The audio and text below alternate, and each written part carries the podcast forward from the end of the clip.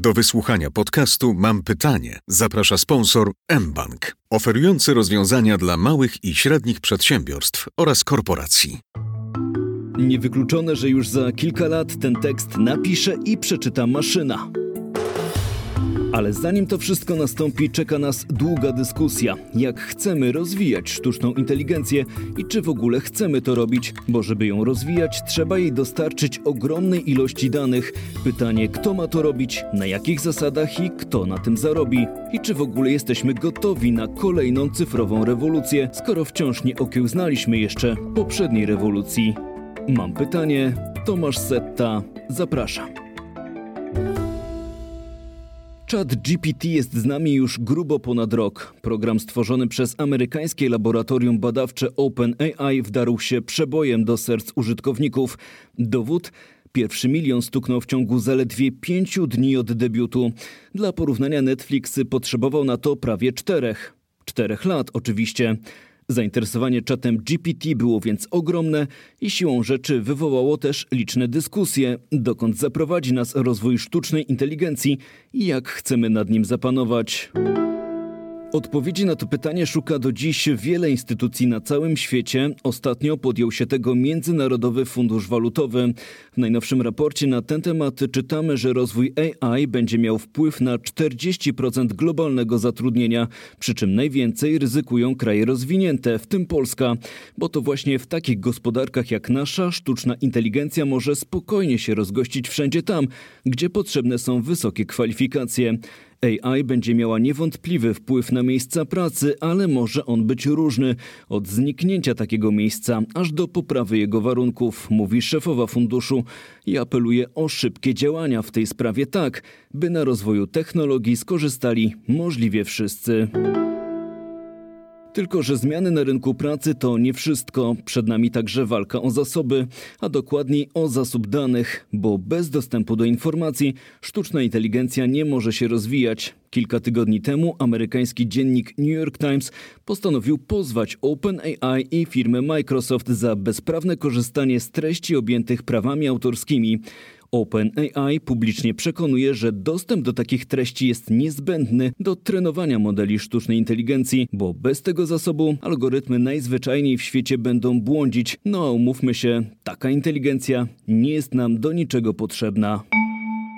To zaledwie próbka całkiem realnych wyzwań, jakie stawia przed nami rozwój sztucznej inteligencji. Czy umiemy zdefiniować pozostałe? Czym musimy zająć się w pierwszej kolejności i czy jest coś, co umyka nam w dyskusji o AI? No i wreszcie, jak mamy poradzić sobie z zupełnie nową technologią, skoro wciąż nie uporaliśmy się jeszcze z mediami społecznościowymi, a te przecież towarzyszą nam od lat. Ja pytam, odpowiada profesor Katarzyna Śledziewska, dyrektorka ośrodka DELAB Uniwersytetu Warszawskiego.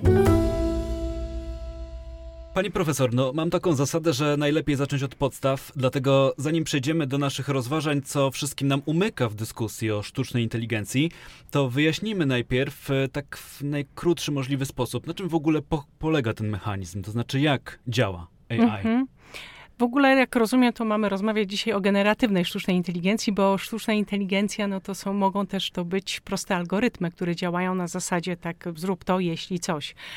Natomiast y, teraz y, mówimy o tych dużych modelach językowych, które są oparte na dużych zbiorach danych, które funkcjonują trochę, mają tak przypominać trochę funkcjonowanie naszego mózgu, czyli e, są oparte na sieciach neuronowych, ale tak naprawdę to chodzi o to, że one mają w sobie jakby taką, można powiedzieć, architekturę, która opiera się na predykcji, jeżeli chodzi o występowanie słów albo sekwencji słów.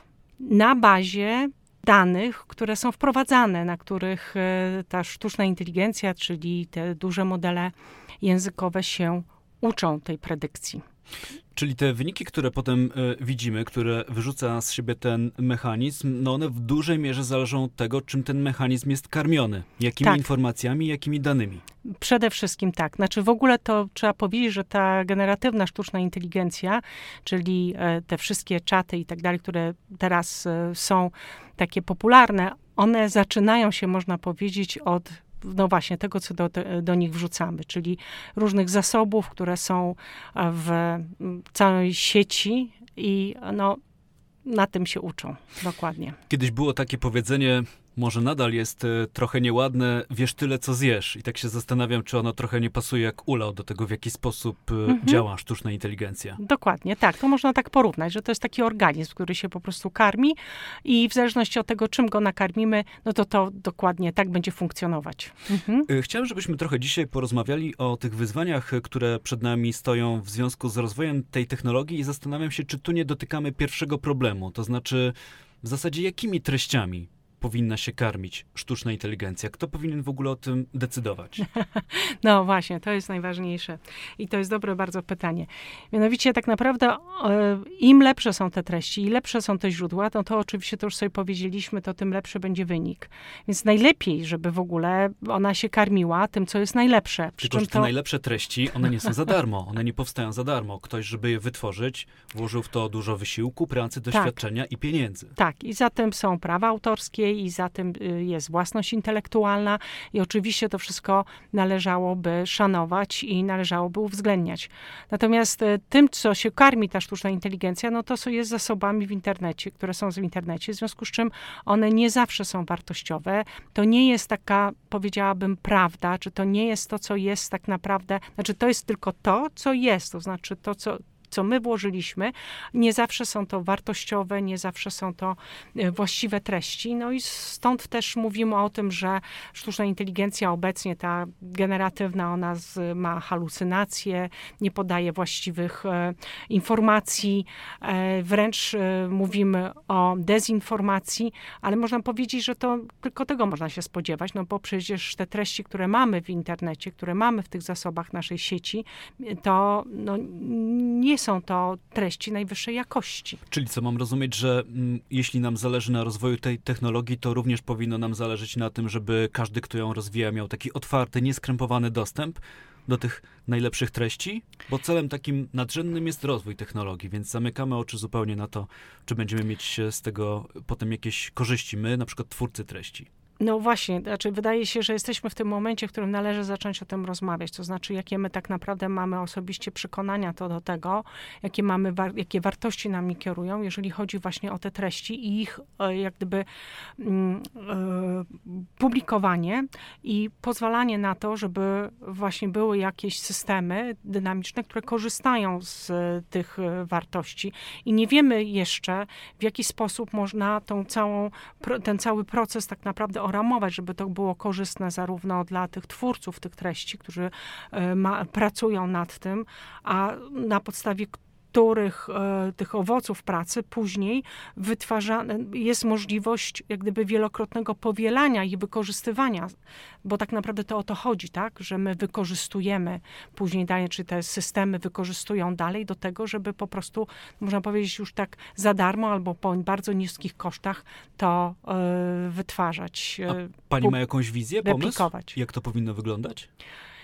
Nie mam takiej wizji jeszcze. Wydaje się, że jak ja o tym myślę, to wydaje się, że będziemy prowadzić, będzie to prowadziło do tego, że będą powstawać jakieś międzynarodowe, e, no, powiedziałabym, e, regulacje, jakieś międzynarodowe traktaty będą w tym zakresie podpisywane, po to, żeby faktycznie sobie też no, zadbać o y, zarówno te osoby, które, czy tych twórców, którzy wprowadzają te zasoby do internetu, jak i tych, e, którzy później z tego korzystają, żeby to było wartościowe, ale żeby też, y, no, ja, ja powiedziałabym tak, jest to bardzo trudne, bo proszę zauważyć, że zanim jeszcze nastąpił listopad 2022, czyli kiedy się pojawił czat GPT, myśmy nie mieli uregulowanej w ogóle tego, w jaki sposób funkcjonują media społecznościowe. To znaczy, nadal pomimo tych prób, jakie uregulowania, mieliśmy bardzo dużo dezinformacji, mieliśmy bardzo dużo niewłaściwego wykorzystywania tych środków. Też, no, jakby powstają też, jak gdyby nowe jakieś wyzwania związane na przykład z uzależnieniem, z chorobami psychicznymi, z tym, jak my w ogóle podchodzimy i jakby tego już wcześniej nie zrobiliśmy. To znaczy mówimy nie... o mediach społecznościowych, które jak rozumiem otaczają nas już od bardzo, bardzo wielu lat. Tak. I teraz wchodzimy, daliśmy taki jak gdyby tym mediom społecznościowym, można powiedzieć, że one teraz będą działać jak na dopingu. Więc tym bardziej i będą jeszcze nowe możliwości do wykorzystania, no będą miały narzędzia, tak, nowe źródła, no bo to już nie tylko będzie tekst, ale też jeszcze, y, no wiadomo, że teraz już y, ten e, generatywna sztuczna inteligencja jest multimodalna, w związku z czym tutaj mówimy o nie, obrazie, o dźwięku, o audio, wideo, które jak gdyby będzie można jeszcze łatwiej wykorzystywać i z którego, y, które będą rozwijały jak gdyby znowu dalej te media społecznościowe i które będą rozwijały te wszystkie formy przekazu.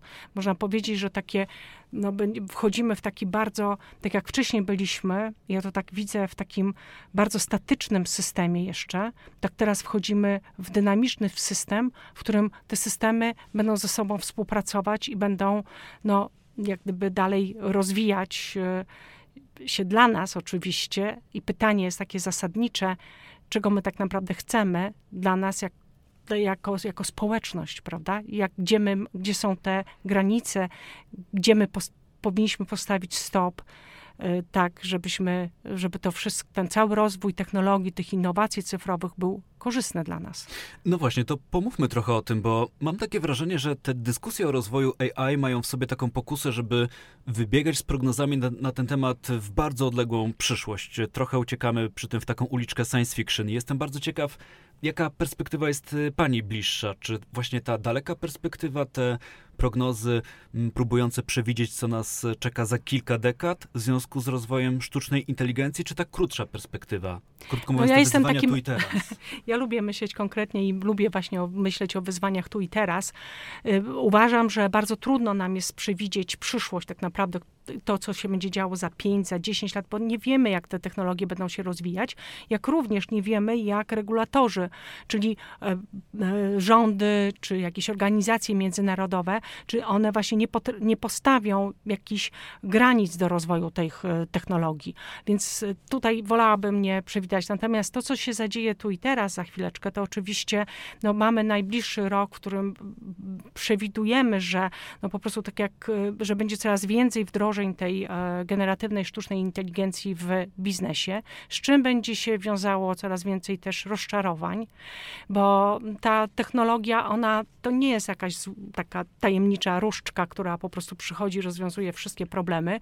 My do końca też nie wiemy, w jakich obszarach dokładnie możemy ją wprowadzić i jak ją wykorzystać.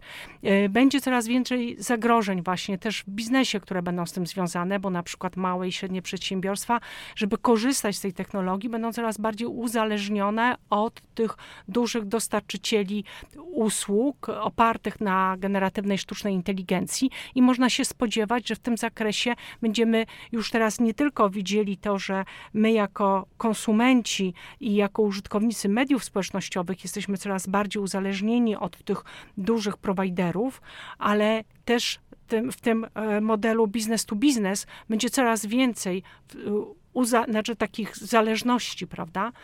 No i z, oczywiście no, będą wchodzili mm, te autonomiczne, będą wchodziły tak zwane autonomiczne agenci, czy właśnie te dynamiczne systemy tej sztucznej inteligencji, które będą, takie aplikacje, tak, które będą ze sobą współpracować, które będą y, coraz więcej już nie tylko będą y, miały dane z tych zasobów internetu, czy z zasobów nasz, które my jako firma, y, jako biznes produkujemy, ale jeszcze będą też z zewnątrz czerpały poprzez właśnie inteligentne kamery, no cokolwiek. I w efekcie, e, jeżeli będą miały coraz więcej tych danych i będą coraz lepiej e, sobie procesy układały, będą potrafiły jak gdyby też, no to oczywiście w tym momencie mm, z tych procesów będzie wypychany człowiek. To trzeba sobie jasno powiedzieć, tak? Wszędzie, gdzie my mamy zadania wykonujemy, które są w jakiś tam sposób teraz możliwe do przejęcia przez sztuczną inteligencję, no bo one są y, powtarzalne albo też są łatwe właśnie do wprowadzenia w ten proces autonomicznego podejmowania decyzji, to tam będzie opłacalne dla biznesu, żeby wprowadzić te inteligentne systemy, te inteligentne, dynamiczne systemy, które już nie tylko pobierają dalej dane, ale oddziaływują też na e, środowisko, tak? Czyli takie, to są takie prawdziwe e, cyfrowe bliźniaki, można, na, na, można powiedzieć, naszej rzeczywistości, w których one będą operowały, co będzie przynosiło bardzo dużo korzyści, ale będzie związane z tym, że będzie coraz mniej potrzeba ludzi. No, tak e, w nawiązaniu do tego, o czym pani powiedziała, mam przed sobą całkiem świeży raport przygotowany przez Międzynarodowy Fundusz Walutowy, w którym no znowu trochę taka prognoza wybiegająca w przyszłość. Mm, czytamy tutaj o tym, że sztuczna inteligencja i rozwój będzie miał wpływ na prawie 40% miejsc pracy na świecie, z czego no, w przypadku mniej więcej połowy to będzie pozytywny wpływ, bo zwiększy wydajność, ale w przypadku drugiej połowy, no właśnie, będzie to skutkować tym, że będzie no, mniejsza potrzeba, czy mniejsze zapotrzebowanie na pracowników, co może skutkować tym, że będą albo zwalniani, albo będą mogli otrzymywać niższe pensje. Mhm. Ja nawet myślę, że to może być więcej niż 40%.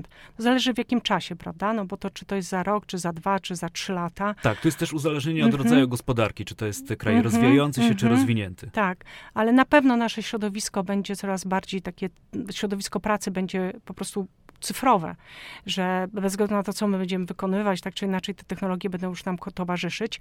I faktycznie mówimy tak wyraźnie o takich trzech obszarach, jeżeli chodzi o pracę. To znaczy, jest pierwszy obszar, jest taki, w którym po prostu te nasze zadania zostaną, i to dotyczy właśnie zarówno pracy fizycznej, jak i tej manualnej, one zostaną y, po prostu przejęte przez te inteligentne, dynamiczne systemy. Y, jest taki drugi obszar, w którym my jako pracownicy będziemy korzystać i uzupełniać swoje e, umiejętności e, w po, przez te, tymi systemami, tak, będziemy z nimi współpracować, e, albo też, e, znaczy one będą nam uzupełniać te nasze kompetencje, umiejętności i dostaniemy takie supermoce. To, to jest taki przykład, jak ja teraz dostaję supermoce, bo ja na przykład sobie, jak robię prezentację PowerPoint na zajęcia, których normalnie nie mam tych prezentacji, no to nie na zajęcia, tylko jakieś wystąpienia, to y, daję tam y, grafiki. Zawsze dawałam jakieś grafiki, obrazki, to był problem dla mnie, żeby je znaleźć, a teraz po prostu wystarczy, że powiem, sztucznej inteligencji, na jakiś, rzucę mu ad hocowo temat Czyli i taki dostaję. przykład prosto z życia. Tak, dokładnie. I mam taką super moc, mimo że totalnie nie potrafię rysować. I mamy trzeci obszar, w którym po prostu będzie coraz więcej y, naszych zadań y, będziemy mieli w, y, tam, gdzie będziemy w relacji z drugim człowiekiem, gdzie będziemy doświadczać tego drugiego człowieka i tam, gdzie będzie to doświadczenie bardzo ważne, to żebyśmy byli ze sobą. Tak jak teraz, na przykład my rozmawiamy w studio, to jest dużo lepsze niż jakbyśmy mieli rozmawiać za pośrednictwem e, e, no, tutaj tych systemów, komputerów i tak dalej, bo jesteśmy razem, bo patrzymy na siebie, bo ja jestem w stanie i pan ze mną być w raporcie i tak naprawdę ta rozmowa dzięki temu jest faktycznie taka udana, płynna, a poza tym będę miała super wspomnienia. To w pełni potwierdzam. Ja mam takie nie najlepsze wspomnienia z tych czasów pandemicznych, kiedy siłą rzeczy te wszystkie rozmowy odbywały się zdalnie. To bardzo duże utrudnienie, kiedy nie widzi się swojego rozmówcy. Zresztą nie trzeba pracować w radiu, żeby mieć podobne obserwacje, bo wszyscy w mniejszym lub większym stopniu mm, tak pamiętamy te pandemiczne czasy. Ale wracając do naszej dyskusji o rozwoju sztucznej inteligencji, jest coś takiego, może być tych rzeczy więcej niż jedna, co pani zdaniem nam umyka w tej dyskusji? Czego pani brakuje? No, przede wszystkim moim zdaniem e, najważniejsze jest to, i tego jest troszeczkę za mało, to jest to, jak zmienić e, system edukacji pod tą całą rewolucję. To znaczy, to i absolutnie to umyka. To znaczy, generalnie oczywiście my wiemy, że jest też sztuczna inteligencja, my wiemy, że to lepiej pisze, coraz, coraz lepiej pisze, że to będzie coraz lepiej pisało na przykład eseje, referaty, prace Ale i tak dalej. Od, od której strony? W sensie, czego uczymy dzieci w szkole, czy czego naszej edukacji? Uczymy, czego uczy, no przede wszystkim czego uczymy dzieci w szkole, w jaki sposób je przygotowujemy do y, później dalszego rozwoju, czego, co jest tak naprawdę w tym wszystkim najważniejsze, żebyśmy sobie to powiedzieli. Właściwie no, dzieci i studentów, prawda, jak przygotowujemy ludzi w ogóle na wejście na ten rynek pracy, w którym będzie coraz więcej tej technologii i trzeba sobie uzmysłowić, że nasz cały system edukacji jest tak naprawdę utworzony pod trzecią rewolucję. A teraz my dostaliśmy, no właśnie, tego dopingu i my właściwie wyskakujemy z czwartej, a my dalej uczymy ludzi do tego, żeby pracowali w fabrykach, w korporacjach, żeby się uczyli na pamięć, żeby pisali jakieś schematyczne rzeczy. Mało, bardzo mało tak naprawdę nastawieni jesteśmy na to, żeby kształtować te kompetencje przyszłości pod te cyfrowe środowisko pracy. I tu niepokojąco wracamy trochę do początku naszej rozmowy, to znaczy my wciąż nie odrobiliśmy skutecznie lekcji, jeśli chodzi o media społecznościowe.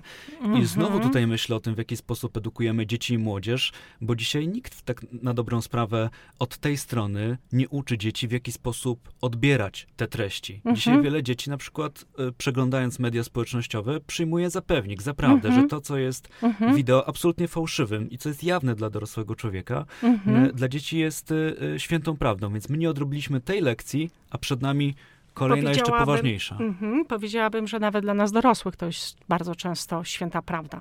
Więc y, tutaj też y, w jaki sposób my jako dorośli modelujemy te nasze zachowania w sieci, jak my się zachowujemy, trzeba pamiętać, że to wszystko jest przejmowane, tak, y, na dzieci. To jest ważna sprawa, żeby w ogóle zacząć też już tę edukację od dorosłych, a co dopiero o dzieciach. I tutaj, no znowu wrócę, no te kompetencje takie właśnie tego poznawcze, takie, żeby właśnie wiedzieć, co jest właściwe, żeby ciekawym, ale też właśnie odróżniać tą prawdę od fałszu, żeby szukać, żeby no jakby też nie przyjmować, mieć to rozwinięte krytyczne myślenie, prawda?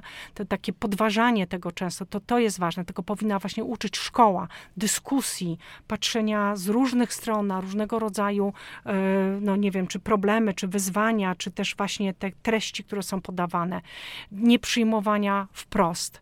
No ale też no, kolejna kwestia, no to też w ogóle samo zarządzanie sobą i tym, kim ja jestem i jak ja trakt, do czego ja używam właśnie też te e, narzędzia. To na koniec, gdybyśmy mieli tak e, zebrać te wszystkie wyzwania, czy coś jeszcze poza edukacją? Czy widzi Pani tutaj jakąś rolę, na przykład po prostu dla rządzących? No, mamy w Polsce nowy rząd, sztuczna inteligencja to też pokazała ta poprzednia kampania wyborcza. Tam też odegrała pewną rolę, bo była wykorzystywana w kampaniach wyborczych. Tak wplatam ten wątek polityczny, bo zastanawiam się, czy też sami politycy, ogólnie klasa polityczna, no nie powinna być zainteresowana, no między innymi tą edukacją, o której powiedzieliśmy. Z jednej strony z edukacją, a z drugiej strony transparentnością, uregulowaniem tego, tak? Tak, żebyśmy wiedzieli właśnie, czy na przykład, jeżeli są jakieś reklamy, czy jakieś treści, które są, czy one są generowane, przez kogo one są generowane, z jakich, na podstawie jakich źródeł to jest. Bo my też nie jest, jako odbiorcy jesteśmy, nie jesteśmy w stanie się e, dobrze w tym zorientować, przy, nawet z wyższym wykształceniem. E, I nawet już ja widzę, że w ramach tej specjalistycznej wiedzy, jaką ja mam, przy tym zalewie tej informacji, też mi jest ciężko się e, tak naprawdę już odnaleźć w, tej, w tych zasobach. Natomiast to, co można robić, no to jest oczywiście tak, jak mamy e, na zdjęciach e, informacje, gdzie zostało wykonane zdjęcie, prawda? Dokładnie. Tak samo każdą inną informację możemy przy każdej treści dawać. Czy to jest ten.